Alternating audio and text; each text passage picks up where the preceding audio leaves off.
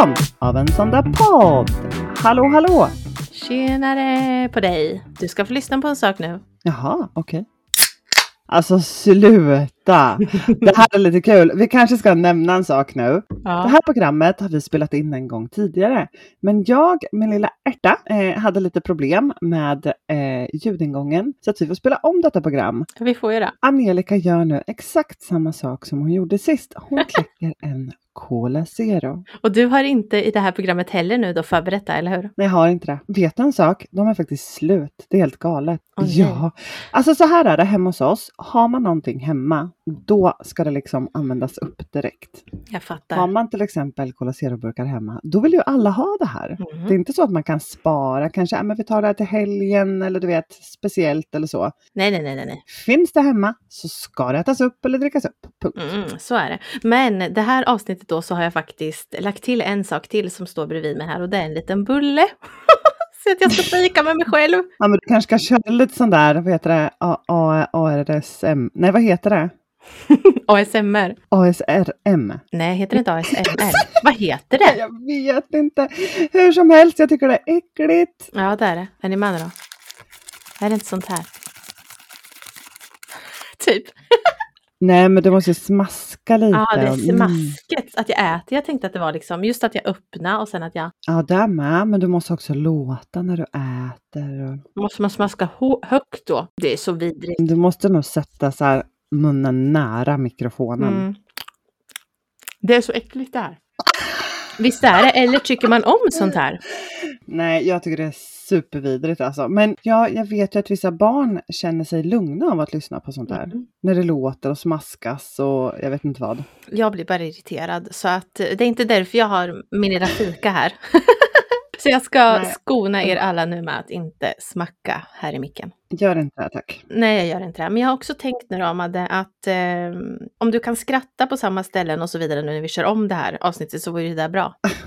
Alltså, det är sjukt att jag minns knappt vad vi pratade om. Nej, jag vet. Och jag som alltid brukar prata om att det är jag som inte har... När du berättar saker för mig så har jag ju aldrig något minne. Det vet vi sedan länge, men då är det ju kanske år tillbaka som jag har förträngt. Mm. Men det här är ju bara några dagar. Vad händer? Jag tror att det har varit så mycket runt omkring oss nu så att jag Mm. glömmer bort det mesta just nu. Jag vet inte vad det är. Jag är inne i någon fas där jag verkligen inte kommer ihåg vad jag gör, vad jag säger.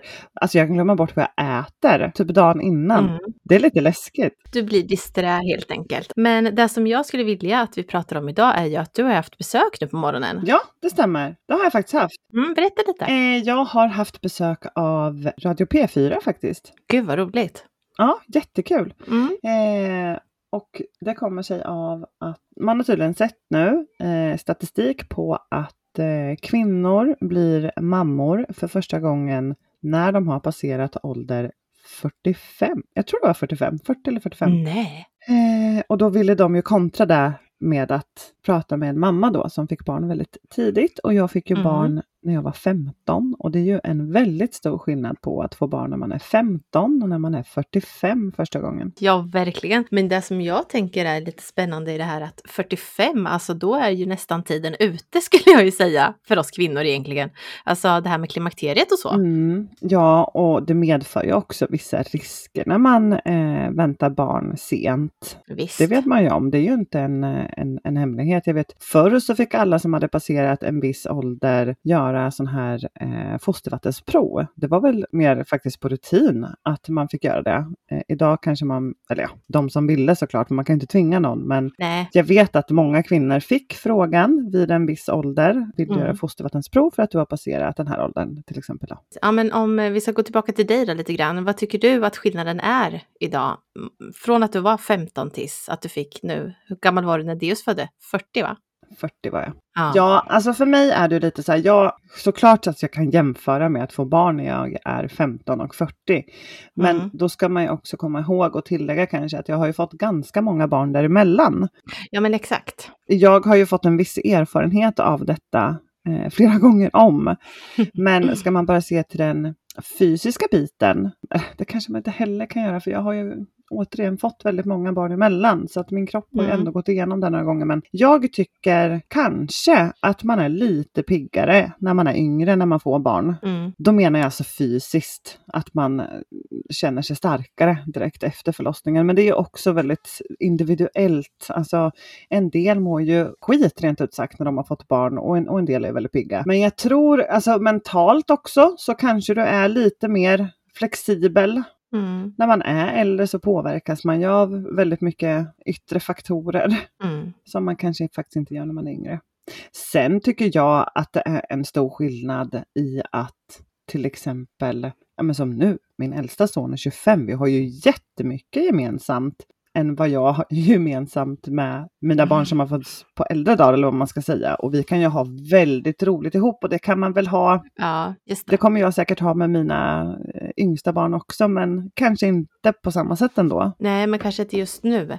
Men, eh, och det är också väldigt kul. Ni kommer ju komma dit sen också. Men jag ja, förstår ja. ju, du är ändå en ung mamma liksom mm. och din 25-åriga son. Men det som jag tänkte på när du sa, du pratade lite efter förlossningen. Eh, jag tycker ju mm. fler barn jag har fått och blivit äldre att ändå kroppen återhämtar sig bättre. Så där tycker jag nästan att det är tvärtom. Alltså nu pratar jag kroppsligt. Mm. Jag tycker att mm. det fysiska har varit svårare om man jämför när jag var yngre och sen nu när jag fått barn som äldre. Mm. Nej, jag kan inte hålla med om det. För jag tycker mig ha fått väldigt mycket mer efterverkar till exempel. Eh, ju fler barn man får, ju värre blir efterverkarna. På så sätt har det varit mer fysiskt utmanande tycker jag att få barn när man är äldre. Ja. Mina första barn när jag var väldigt ung, då var jag ju uppe på benen direkt. Nu ska jag säga att jag har haft, för mig har det varit väldigt lätt och jag har kommit tillbaka väldigt snabbt. Men om jag mm. personligen ska jämföra så var, det, så var det ännu bättre när jag var yngre om man säger så. Ja, jag fattar. Mm. Efterverkarna går ju såklart inte att jämföra med första och de senare barnen, för de är ju hemska. Mm. Men jag tänker mer de här, alltså man har inte så mycket veckor i återhämtning. Jag tycker ändå att man har känt sig bra ganska fort. Mm. Liksom. Nej men det är väl väldigt olika hur man känner, men när man är yngre så är ju kroppen fräschare. Det behöver du inte vara en raketforskare för att uh, kunna ja, inse att det faktiskt är så. Nej. Och det är väl klart att det påverkar och det finns ju ren fakta på att det medför större risker att få barn ju äldre du är. Jo visst, så är det ju. Ja, men där kan vi ju då i och för sig relatera till då. När jag var yngre och jag väntade mitt första barn, då tränade jag på gymmet veckan innan hon föddes. Sen dess har jag typ inte gått på gymmet. så att säga. Så där är lite kontraster. Det är stora kontraster då, absolut. Men sen finns det ju också, precis som jag sa den här intervjun med P4, så mm. man kan ju vara väldigt fit och väldigt tränad när du är 40 plus också. Det finns ju de som, ja, inte vet jag, lyfter hur mycket som helst i bänkpress och har en väldigt tränad och fysiskt stark kropp. Mm jämfört med någon som är väldigt ung. Så att det är återigen individuellt. Ja, men, det är det men det är ändå stor skillnad kroppsligt när du får barn när du är äldre. Sen tycker jag rent eh, mentalt är man ju inte förberedd för att bli mamma när man är 15. Eh, för det är ju väldigt, väldigt ungt och det är absolut ingenting som jag rekommenderar någon. För det är tufft och det är en väldigt stor utmaning. Mm. Men när du blir äldre så har du ju levt ditt liv på ett annat sätt man blir klokare, man lär sig av sina misstag, man mm. växer som människa. Det finns ju hur mycket som helst man kan peka på i, i det avseendet. Men samtidigt så behöver du inte vara en sämre förälder för att du blir mamma när du är ung heller. För det är också något som följde mig väldigt mycket, alla de här förutfattade meningarna. Och det kan ju vara nog så tufft att bli mamma, men att få ta emot sådana av sin omgivning eh,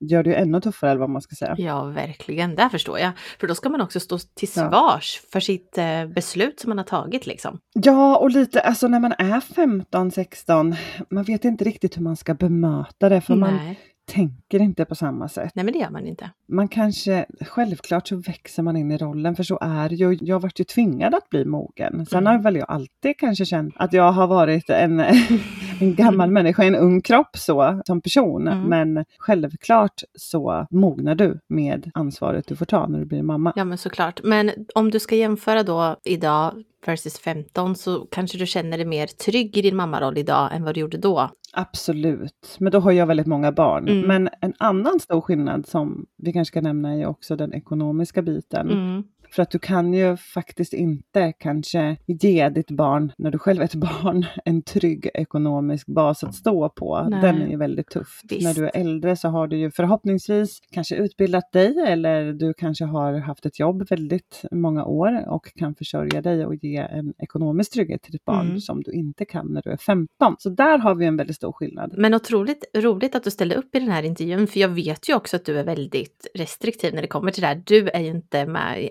allt du blir erbjuden. Eh, och det här är ju en ganska viktig och intressant fråga, så att väldigt kul att du ställde upp. Superkul. Du Angelica, hur går det med studierna förresten? För jag vet ju att du pluggar upp dina ämnen nu. Ja, jag gör ju det. Jag håller ju fortfarande på. Jag har ju fått förlänga min kurs faktiskt på grund av att vi har varit så sjuka ett par veckor, så jag hamnar ju efter massor mm. där. Men jag är på banan. Jag sitter och håller på med min, med min slutexamination, som det så vackert heter. Den eviga gymnasieeleven. Precis som aldrig tar sitt betyg liksom. får aldrig slut på skiten.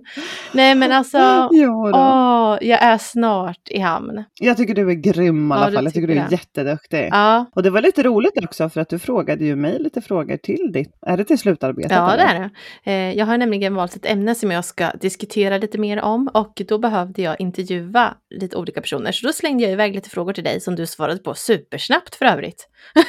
det var ju också en chock.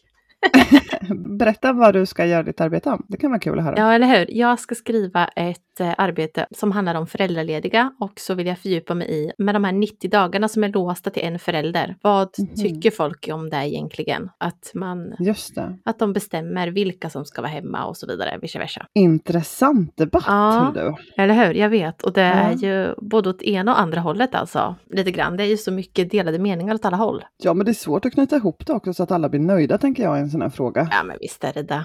Det är alltid någon som gnäller. Ja, men så är det. Man kan ju vända och vrida på olika saker, men det här är ändå så här, det är en viktig tid i ens barns liv och i sitt egna liv. För de här mm. dagarna får du aldrig tillbaka och jag känner personligen att jag tycker man ska få bestämma det där själv. Jag förstår varför man måste ha låsta dagar och det ska vara jämställt hit och dit. Jag, jag fattar det och det, mm. det ska man inte förlöjliga på något sätt, men jag vet inte. Jag tycker ändå man ska få bestämma själv. Eller? Ja, det tycker jag också. Jag håller med dig 100% där, för jag känner också att deras tanke kanske är att den andra föräldern då som eh, tar ut de här 90 dagarna ska bli mer involverade i barnet, om man säger så. Men jag tänker mm. att man är väl involverad ändå i sitt barn. Alltså man har väl det intresset ändå. Men alla kanske inte har det, så det är det här som är så himla svårt. Har inte det här lite med de här socialekonomiska utsatta områdena att göra lite också, tänker jag? Jo, så kan det säkert vara. Men jag tänker bara, man tänker på sig själv och hur vi har det i våran familj. Och jag mm Rickard är ju en delaktig pappa i sina barn, vare sig han tar 90 dagar föräldraledigt eller inte. Precis. Det är väl där liksom.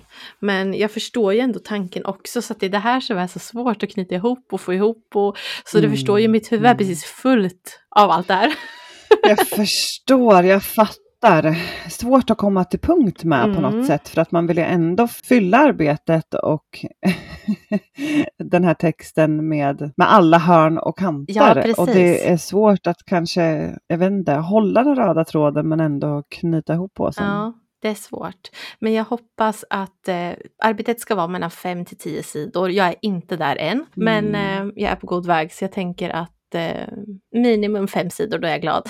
och att jag får godkänt. Jag tror att du kommer fixa det. Jag tror det kommer gå skitbra. Heja, heja, heja dig. Heja, heja, heja mig. Och medan vi gör allt detta så håller vi också på att renovera det hemma som du vet. Ja. Jag vet. Min kärlek i livet klättrar och har sig, så där kan han ju få styra med. Men tänk om man hade lite fler timmar på dygnet. Bara några mm. fler timmar. Hur många skulle du vilja ha då? Ja, men bara några extra timmar. Så tänker jag ett par extra armar också. Så att man verkligen mm. kan vara överallt. Mm. Ja, för det går ju tyvärr inte. Mycket får ju backa ibland. Ja, ja men så är det. Ja, och det är svårt att prioritera typ plugget har jag ju lite svårt att prioritera. Jag måste erkänna det. Men det är ju lite enklare att välja något roligare. Men du, en fråga. När du har gjort klart det här arbetet mm. och fått en godkänd kurs och du har läst upp dina betyg och allt det här. Vad är din tanke? Jag vet att du har pratat om att du vill plugga till sjuksköterska. Mm, jag har fortfarande inte släppt den tanken. Hur ska du få ihop det? Förlåt, jag var tvungen att rapa. Så. Eh, jag säger så här. Jag var tvungen, jag vände mig ändå bort. Om inte du tar med det här i podden. Det kan jag, jag inte göra. Jo, då kommer jag bli ledsen. Alltså, så, du är så jävla underbar. Alltså. Det, det, det, här är, det här är så jävla gött alltså. om vi ska bli lite seriösa här igen nu. Eh, mm. Jo, hur tänker du med att plugga till sjuksköterska nu då? Hur, hur ska du få ihop det här tänker jag? Vill inte jag vara pessimist på något sätt för att jag tror absolut att du kommer klara det. Men jag vet hur uppstressad du blir bara av detta liksom. Ja, jag vet. Och eh, jag har ju faktiskt sökt utbildning till sjuksköterska. Ja, jo, jag vet att du har gjort det. Ja. Men nummer ett så behöver det inte betyda att jag kommer in och nummer två så behöver det inte betyda att jag säger ja. Nej. Hur har ni tänkt rent eh, logistiskt och vart, vart har du sökt? Alltså vilken stad? Eh, jag har sökt eh, att plugga i Örebro i så fall. Ja. Och det är ju en bit härifrån. Det är det. Det tar en stund mm. att pendla hör du. Det gör ju det. Och det är inte så rolig väg heller ska tilläggas. Så det kommer ju ta sin lilla tid. Och mm. hur vi tänker kring det, ja, får jag återkomma om. För att vi har nog inte tänkt så mycket kan det bli en flytt till Örebro eller? Svaret skulle nog vara nej på den frågan. Ja, okay. Då får jag flytta själv i så fall. Ja, okay. Utan min familj. Trist. Mm, det är lite trist. Nej, men jag vet faktiskt inte. Gud, det låter ju som att jag är helt tjoflöjt tänkte jag säga. Och det är jag ju. Eh, för jag, jag, tänker inte längre näsan räcker riktigt. Vad säger Rille då? Han eh, tycker väl att det är kul att jag vet vad jag vill. Sen är det nog inte hans dröm att jag pluggar till detta. Han vill egentligen att jag ska läsa något som han skulle ju egentligen helt ärligt vilja att jag typ jobbade som redovisningsekonom så att jag jobbar måndag, fredag typ. Men eh, det tycker jag är lite tråkigt. Jag brinner inte för det. Nej, jag fattar. Jag förstår det. Så, men samtidigt så förstår jag ju också, jag tycker inte heller om alltid att jobba obekvämt och jul, nyår, allt sånt här. Det tycker jag också är skitjobbigt. Mm. Men, eh, men är det inte lite så här, vi som har jobbat i vården, för jag har ju också jobbat i vården i flera, flera herrans mm. år. Och jag tror, har man varit där, eh, om man brinner för människor, så är det nog svårt att kanske tänka sig ett arbete mm där man är stillasittande, pappersjobbande. Ja, det känns, ja men precis, det känns så himla, jag, säger, jag vill inte nedvärdera det på något sätt och säga att det är... Ja, men man är ju olika som människor. En, en, en del kanske tycker faktiskt att det är skitkul att jobba som redovisningsekonom mm. eller konsult eller så. Men mm. jag vet inte, har man ändå jobbat med människor så då, det är ju en markant skillnad på olika jobb. Liksom. Mm. Sen kanske jag skulle, om jag nu utbildar mig till eh, sjuksköterska, så mm. skulle jag kunna tänka mig framöver att bli barnmorska också. Kanske, men jag vet inte. Men jag gillar ju verkligen att göra nytta lättar liksom. Känna att man är, gör ett mm. bra jobb. Jag skulle kunna tänka mig att jobba inom förlossningsvården, kanske. Japp, vi får se då. Mm. Får se, vi får se. Vi får jag, se. Har ju, jag har ju sagt, förutom att jag alltid har velat bli polis och jobba mm. som kriminolog och sådana saker, så har jag också sagt att jag skulle kunna tänka mig alltså att bli barnmorska också. Ja. Men, och det är aldrig för sent att plugga, men jag känner att ska jag börja nu, plugga till sjuksköterska, då, då är det tre år eh, minst. Mm, och sen då plugga vidare till barnmorska, ja, men säg att jag kanske är färdig när jag, inte vet jag, 46 kanske. Mm. Ja, för du ska jobba lite däremellan också. Ja, man ska ju du... göra det. Ja, så då blir det väl när man är kanske 46 och då känns det som att ja, nej, men jag vet inte alltså. Jag känner ju lite likadant att mm. nu är jag ju bara 35 i några dagar till. Eh, mm. Eh, men alltså det känns så här, jag kan inte bli färdig när jag är liksom 40 men samtidigt så har du ju sjukt många år kvar innan du blir pensionär. Mm. Så att jag vet inte. Min mamma ska förresten börja plugga och jag menar hon är ju typ pensionär. Ska hon plugga? hon ska plugga till undersköterska. Ja, ah, just det. Just det, men hon har ju också mm. jobbat som eh, sjukvårdsbiträde kan man ju säga. Ja. Väldigt länge, så det där kommer ju gå snabbt för henne tänker jag. Det tror jag också. Men det är så kul och jag tror att hon är mer nervös för att börja plugga än vad jag skulle vara om jag kom in på sjuksköterskeprogrammet. Herregud, hon är ju eh, så hispig. Det kommer gå superbra. Jag säger bara heja, heja, heja er som pluggar och som står i. Jag tycker det är skitgrymt och jag tror var du än du väljer så kommer det bli kalasbra. Mm, jag hoppas det. Gud vad du är gullig. Nu får vi se. Vi får låta tiden utvisa helt enkelt. Nu fixar vi det här först. Sen sätter vi punkt.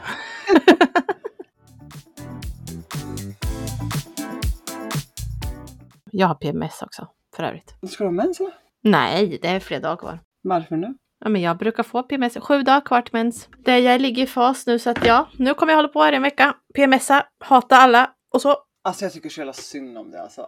Snälla. Mm. Rickard sa det förut innan han åkte. Alltså har du PMS eller? Jag bara, ja kanske, för jag hatar dig, sa jag.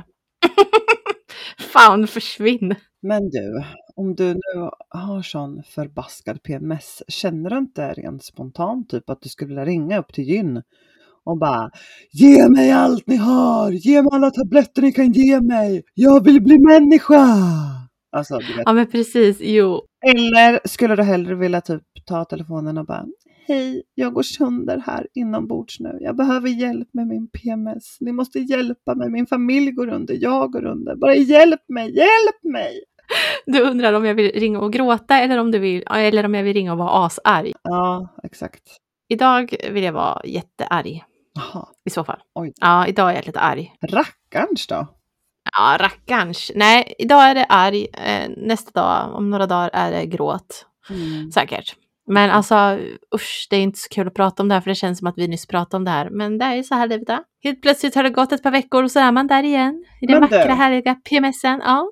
Alltså vi pratar ju väldigt ofta, varenda dag nästan. Ja. Jag säga. Kan inte du och jag bara göra en deal nu då? Nej. Jo. Jaha, okej. Okay. Att till nästa avsnitt vi spelar in ska du ha ringt till Gyn. I alla fall ringt. Jag vill, ja, jag kan prova att ringa dit men då kommer du säga att du ska ringa till vårdcentralen och det vill inte jag. Nej men då säger du att hej jag har varit i kontakt med vårdcentralen och de hänvisar mig till Gyn.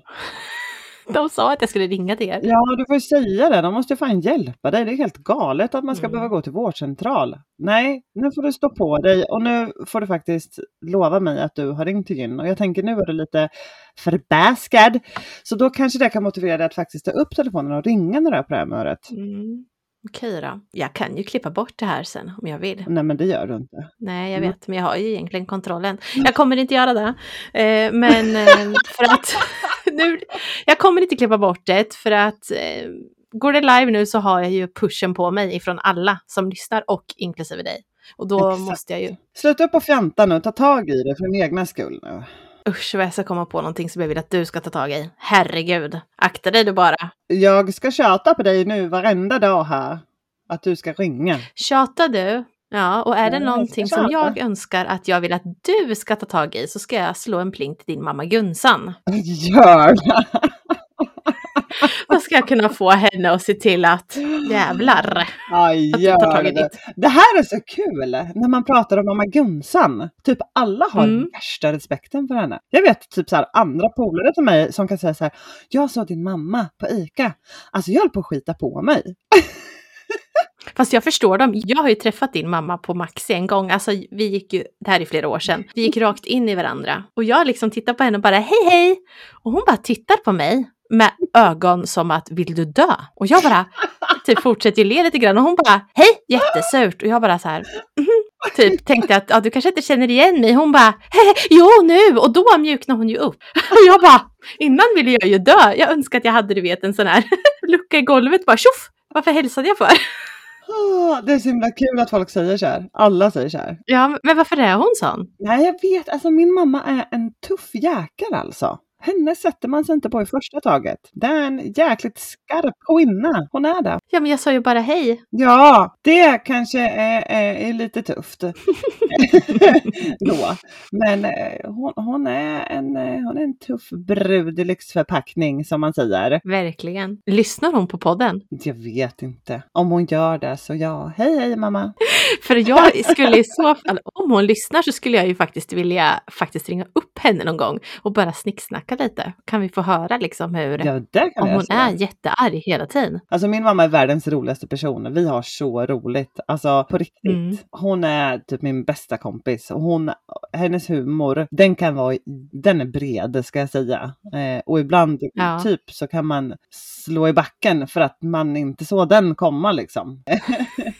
så jag, jag lär mig ju mycket om min mamma fortfarande, fast jag har känt henne hela mitt liv.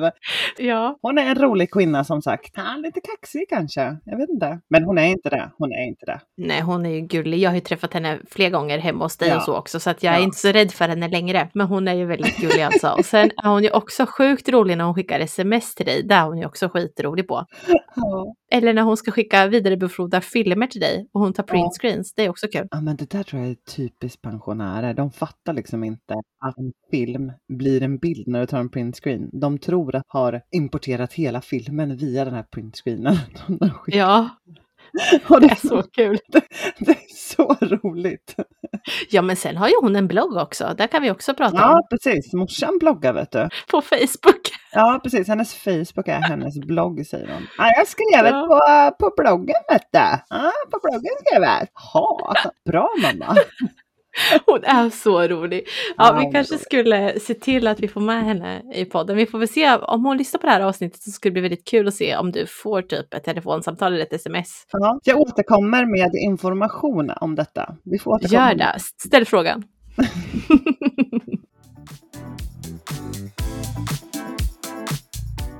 Jag måste bara berätta en sak för dig, eller jag måste fråga en sak eh, rättare sagt. Mm, fråga på. Mina kids har ju eh, den här gångna veckan eh, haft nationella prov och det har väl dina barn också haft, eller din äldsta i alla fall? Min äldsta tjej har haft nationella prov, yes. Ja, alltså hur känner ni för de här nationella proven? För att jag upplever att de ger väldigt mycket ångest eh, till barnen. Ja, prestationsångest, ja definitivt skulle jag säga. Eh, det är ju någonting de, eller jag har upplevt att min dotter stressar ju upp sig lite grann för detta. Och det kanske är att de aldrig har skrivit sådana här prov innan och att det liksom mm. pratas mycket om att det är väldigt viktigt, eh, hej och hå. Men samtidigt så vill jag stryka under med att när vi var på utvecklingssamtal så sa de ju också att det är ju inte bara det här provet som de går på. Jag tänker om, ibland är ju barnen sjuka exempelvis. Så jag menar, mm. det kan ju vara så att man missar det och då blir man ju inte underkänd i hela kursen. Men så kanske barnen upplever det, jag vet inte riktigt. Nej, Anledningen till att jag frågade är att vi fick ett, mm. eh, ett sms faktiskt från en lärare här. Vi har haft barn hemma som inte borde ha varit i skolan under de här nationella proven. Men mm. då fick vi ett sms från en lärare där denna skrev att man får komma till skolan om man inte har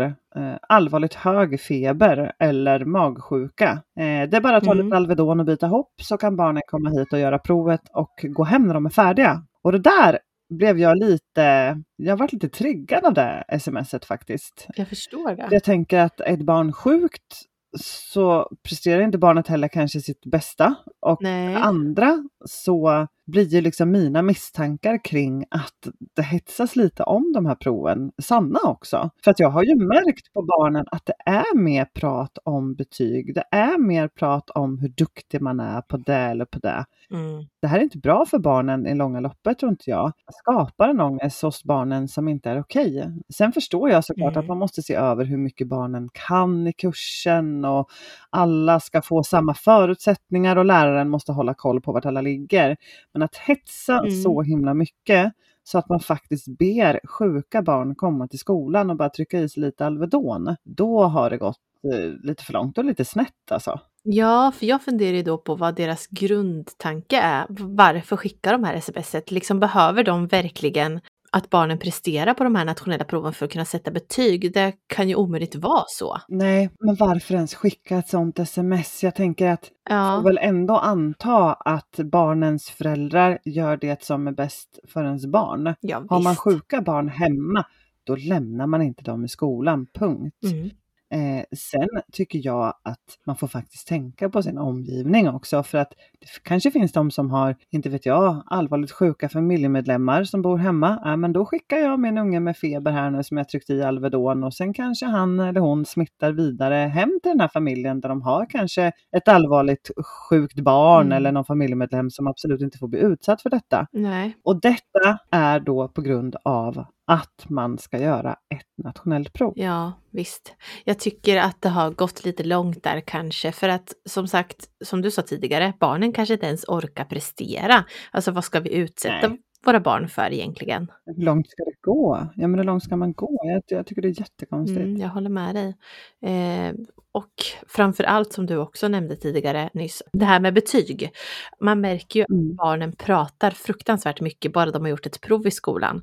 Ja, de berättar ju gärna vad de har fått och så jämför de och vice versa. Det här snacket tuggas ju hela tiden. Mm. Och det är synd att de sätter den pressen på sig själva och varandra lite grann. Ja, jag tycker också det. det är, jag tänker att de betygen som faktiskt är avgörande för våra barn, mm. det är när de slutar vårterminen i nian. Visst. De betygen är, ligger till grund för vad du ska kunna söka in till på gymnasiet och vilken väg du vill välja. Mm. Mm. Sen är det väl givetvis bra om du har betyg innan det, men när man börjar att pressa så här tidigt i så låg ålder mm. så tror jag inte att det är nyttigt i långa loppet. Jag tror inte att det är bra för att jag märker ju skillnad på mina äldre barn och mina yngre barn att det faktiskt har blivit menar, en väldigt stor fråga i deras liv, mm. det här med betyg. Mm. Att man ska betygsättas. Men när dina äldre barn gick i skolan, var det inte betyg i mellanstadiet då? Nej, det var det inte på samma sätt. Nej. Såklart det nationella prov och så, men det, just det här betygssnacket mm. fanns inte då överhuvudtaget. Nej, undrar varför de har gjort så. Det måste ju finnas någon studie kring det här egentligen. Att varför man har valt att sätta, vad heter det, betyg så långt ner nu i ålder och så. Och sen är det väl så, de här nationella proven är ju faktiskt till för att läraren ska se vart alla elever ligger. Men mm. handlar det om att ett barn faller bort eller några barn faller bort på grund av sjukdom så kan ju inte det vara avgörande för hur läraren ska uppfatta det här barnets skolgång. För jag menar läraren har ju troligtvis träffat barnet varenda dag i skolan och kan bilda sig en uppfattning ändå. Eller hur, jag håller med dig. De borde verkligen kunna sätta betyg ändå. Mm. Men hur gjorde ni då när det kom till det här nationella provet nu då, när ni faktiskt hade barn som var sjuka? Hur valde ni att göra? Eh, jag ville haft båda barnen hemma som var sjuka, mm. men det ena barnet blev så stressad ska jag vara ärlig och säga rent ut mm. sagt. Så att eh, det barnet ville verkligen gå till skolan trots att hen inte mådde bra. Och det, det tog jag liksom emot för mig. Men då fick jag liksom så välja, ha, ska barnet vara hemma och må dåligt både för att det inte kan vara i skolan och göra provet och för att det faktiskt är sjukt. Mm. Nu ville barnet gå till skolan och eftersom läraren uppmanade till det och satte den pressen. Nu hade vi kanske varit lite smartare att inte ens tagit upp det här smset men grejen är att barnen pratar med varandra också så det här hade ju kommit fram ändå, för det var ju ett mass-sms som fler fick vet jag. Ja, såklart. Men ja, det tog emot. Ett barn var hemma och ett barn gick till skolan mm. och gjorde provet. Men jag hämtade direkt efter. Just det, men tyckte personen i fråga då som gjorde provet att det ändå hade gått bra eller? Nej, men det var nog lite jobbigt tror jag helt slut kan jag säga. Somnade direkt efteråt. Fattar. Eh, kändes ju inte bra så att jag vet inte. Nej. Jag vet inte. Vi får se hur det går. De kanske får tänka om skolan och kanske lägga nationella proven senare på året. Nej, jag vet inte för det är så mycket sjukdomar just nu. Det var lite mer så jag tänkte. Ja, det är det. det, är det. Så det kanske blir mycket bortfall. Men eh, ja, det är tufft. Alltså skolgången är tuff och det är jobbigt att vara bredvid också faktiskt som förälder. Det är väldigt tufft. Mm. Man vill ju få fram att de duger som de är liksom. Absolut, absolut. Mm. Och kan vi också säga det att de mest framgångsrika människorna har faktiskt också gått ur skolan utan betyg av olika mm. anledningar och ändå blivit framgångsrika. Så att allt hänger inte bara på betyg. Man kan, man kan göra dåd ändå. Ja men precis. Man, det här är också en, återigen som vi alltid pratar om känns det som när vi diskuterar om saker, att det är balansgång i allt liksom. Mm. Eh, det är klart man vill att de ska klara skolan som godkänt, men jag kan känna där att det räcker att man är godkänd. Det behöver ja. inte ha högsta betyg i allt. Snabba frågor. Då var det dags för din favoritgren i podden. Mm, jag vet. Woho, känner mig så taggad. Är du redo? Jag är redo. Det roliga är ju nog då att folk kommer ju tro då att vi kör samma frågor som i det här avsnittet som varit lite knas. ja. Så enkelt gör hon det inte för mig. Nej, det gör jag inte. Det är lite synd också, för det var riktigt bra, kluriga och eh, lite spännande frågor sist som du var lite obekväm med. Så det var, det var ju synd att det programmet gick åt skogen. Men jag ska nog komma på lite nya, lite nya spännande här. Då kör vi! Ja, kör nu. Fråga 1. Mm -hmm. Om du fick möjligheten att äta middag med vem som helst, död eller levande, vem skulle du välja? Jag tror jag vet. Din mormor. Ja, det skulle jag göra. Tänk att ta ner henne från himlen och eh, få äta en sista måltid med henne tänkte jag säga. Vet du vad jag skulle vilja äta då? Vad skulle du vilja äta då? Jag skulle vilja äta hennes spagetti och köttfärssås. Alltså, hon var bäst på det. Så gott. Och det är ju ingen som vet exakt hur hon gjorde. Vad fint. Mm, min lilla mormor. Henne mm, saknar jag. Jag förstår det. Fråga nummer två. Mm -hmm. Nämn en konspirationsteori som du faktiskt tror på. Nej men, du kan inte fråga mig så här knasiga frågor. Kan du inte vara snäll? Men det, det här är ingen knasig fråga. Det finns ju jo, jättemycket där. konspirationsteorier hit och dit. Ja, men något som jag tror på. Ja. Ja, men gud, jag kommer inte på någonting nu. Jag vet ju att det var massor konspirationsteorier kring corona exempelvis. Eh, mm. Eh, och jag vet inte om jag tror på det eller inte. Tycker det är svårt. Alltså det beror på vad man läser om, tycker jag. Mm. Men fy, jag tycker det är svårt att komma på någon på rak arm sådär. Du hade ingen konspirationsteori som du faktiskt kanske kunde tro på? Nej, inte sådär på rak arm faktiskt. Fråga nummer tre. Yes. Vad är det första du lägger märke till när du träffar en ny människa? En människa, det behöver ju inte vara alltså av det andra könet som man är intresserad av. Nej, okej, spännande. Eh, jag lägger nog märke till eh, alltså ögon och skratt och sådär. Alltså om personen har ett trevligt, eh, vad heter det? Det är ett ordet. Ja, men alltså om jag träffar dig exempelvis så tycker jag att du har ett bra, alltså du skrattar, du är trevlig, du är liksom... Ordet du letar efter är karisma. Ja, tack! Vad gött är att jag kan liksom svara på dina frågor. Det måste ju betyda att jag känner dig väldigt, väldigt, väldigt väl. Exakt. Du gör ju faktiskt det. Det är lite kul. Ja, ja. Men du kan ju fråga snälla frågor nu, please. Enkla frågor. Jag tyckte det var en enkel fråga. Ja, ja men det var enkelt, men det är bara att jag tappar ord. Fråga fyra. Vad skulle du helst välja? Slå igenom som artist eller skådespelare? Då skulle jag nog vilja slå igenom som eh, artist kanske. Okay. Jag har ju gått musik på gymnasiet så att då skulle jag väl i så fall kunna tänka mig att dra igång det då. Den karriären. Angelica och company. Exakt. Eller vad skulle du ha för artistnamn då? Angelica. Ja, ah, men gud. Jag är väl ingen porrskådis? Då kör vi på fråga fem. Ja. Berätta något om dig som jag inte vet. Den här blir svår. Även om vi inte har känt varandra hela livet så känns det ju ändå som att vi har eh, gått igenom väldigt mycket. Alltså jag tror ju att jag vet det mesta av dig. Eller om ja, dig. det är det jag menar. Jag försöker tänka långt tillbaka. Mm, vad jag skulle kunna berätta som du inte vet. Mm. Ja men snälla, ska vi ta en ny fråga då? För den här frågan kan ju du tänka på jättelänge. Du kan ju få den här bakläxa också, att tänka på den här frågan. Du ska berätta någonting för mig som jag absolut inte vet om dig. Absolut mm. inte vet om dig. Så får du en ny fråga. Då får vi köra fråga sex. Ja, kör. Ja. Finns det några speciella typer av konversationer som ofta gör dig obekväm? I så fall vad? Ja, men på äldre dagar så kan jag ju tycka att det är lite jobbigt att eh, prata sex öppet. Faktiskt. Typ, jag blir ju jättegenerad över det. Förr var jag lite, kanske inte så. Jag har blivit lite mer pryd där. Fast du snackar så mycket skit alltså. Det gör jag väl inte? Fråga mamma! Fråga mamma! Som jävla unge! Alltså du pratar ju sånt här med mig jämt. Det är inga problem. Nej, jag vet. Du tänker nu bara offentligt. Ja, det, det tänker jag nog kanske. Det är jobbigt. För annars jädrar med du är inte pryd någonstans. Herregud. Nej, jag vet. Nej, vi vet nog allt om varandra där, kan man ju säga. Eh. Vad är det som är jobbigt då? Varenda människa har det väl? Eller liksom? Jo, ja, men det kanske är just om min mamma frågar något så kanske inte vi diskuterar det med henne. Det kanske är mer där då. kanske kan det vara det som är problemet. nu kommer då en följdfråga här.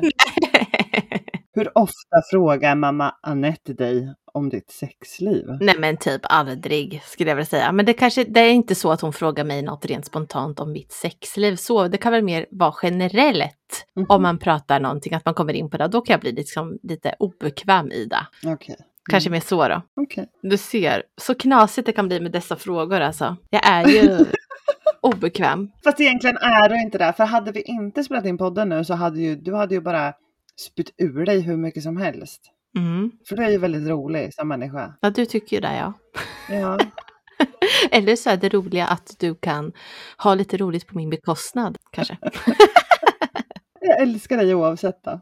Ja, jag vet. Jag älskar dig också. Trots dina jäkla påhitt ibland. Typ som de här jobbiga frågorna. Men du, glöm nu inte bort att du och jag har en deal. Nu ska du Just ringa ett samtal. Mm, jag vet. Jag återkommer om det då.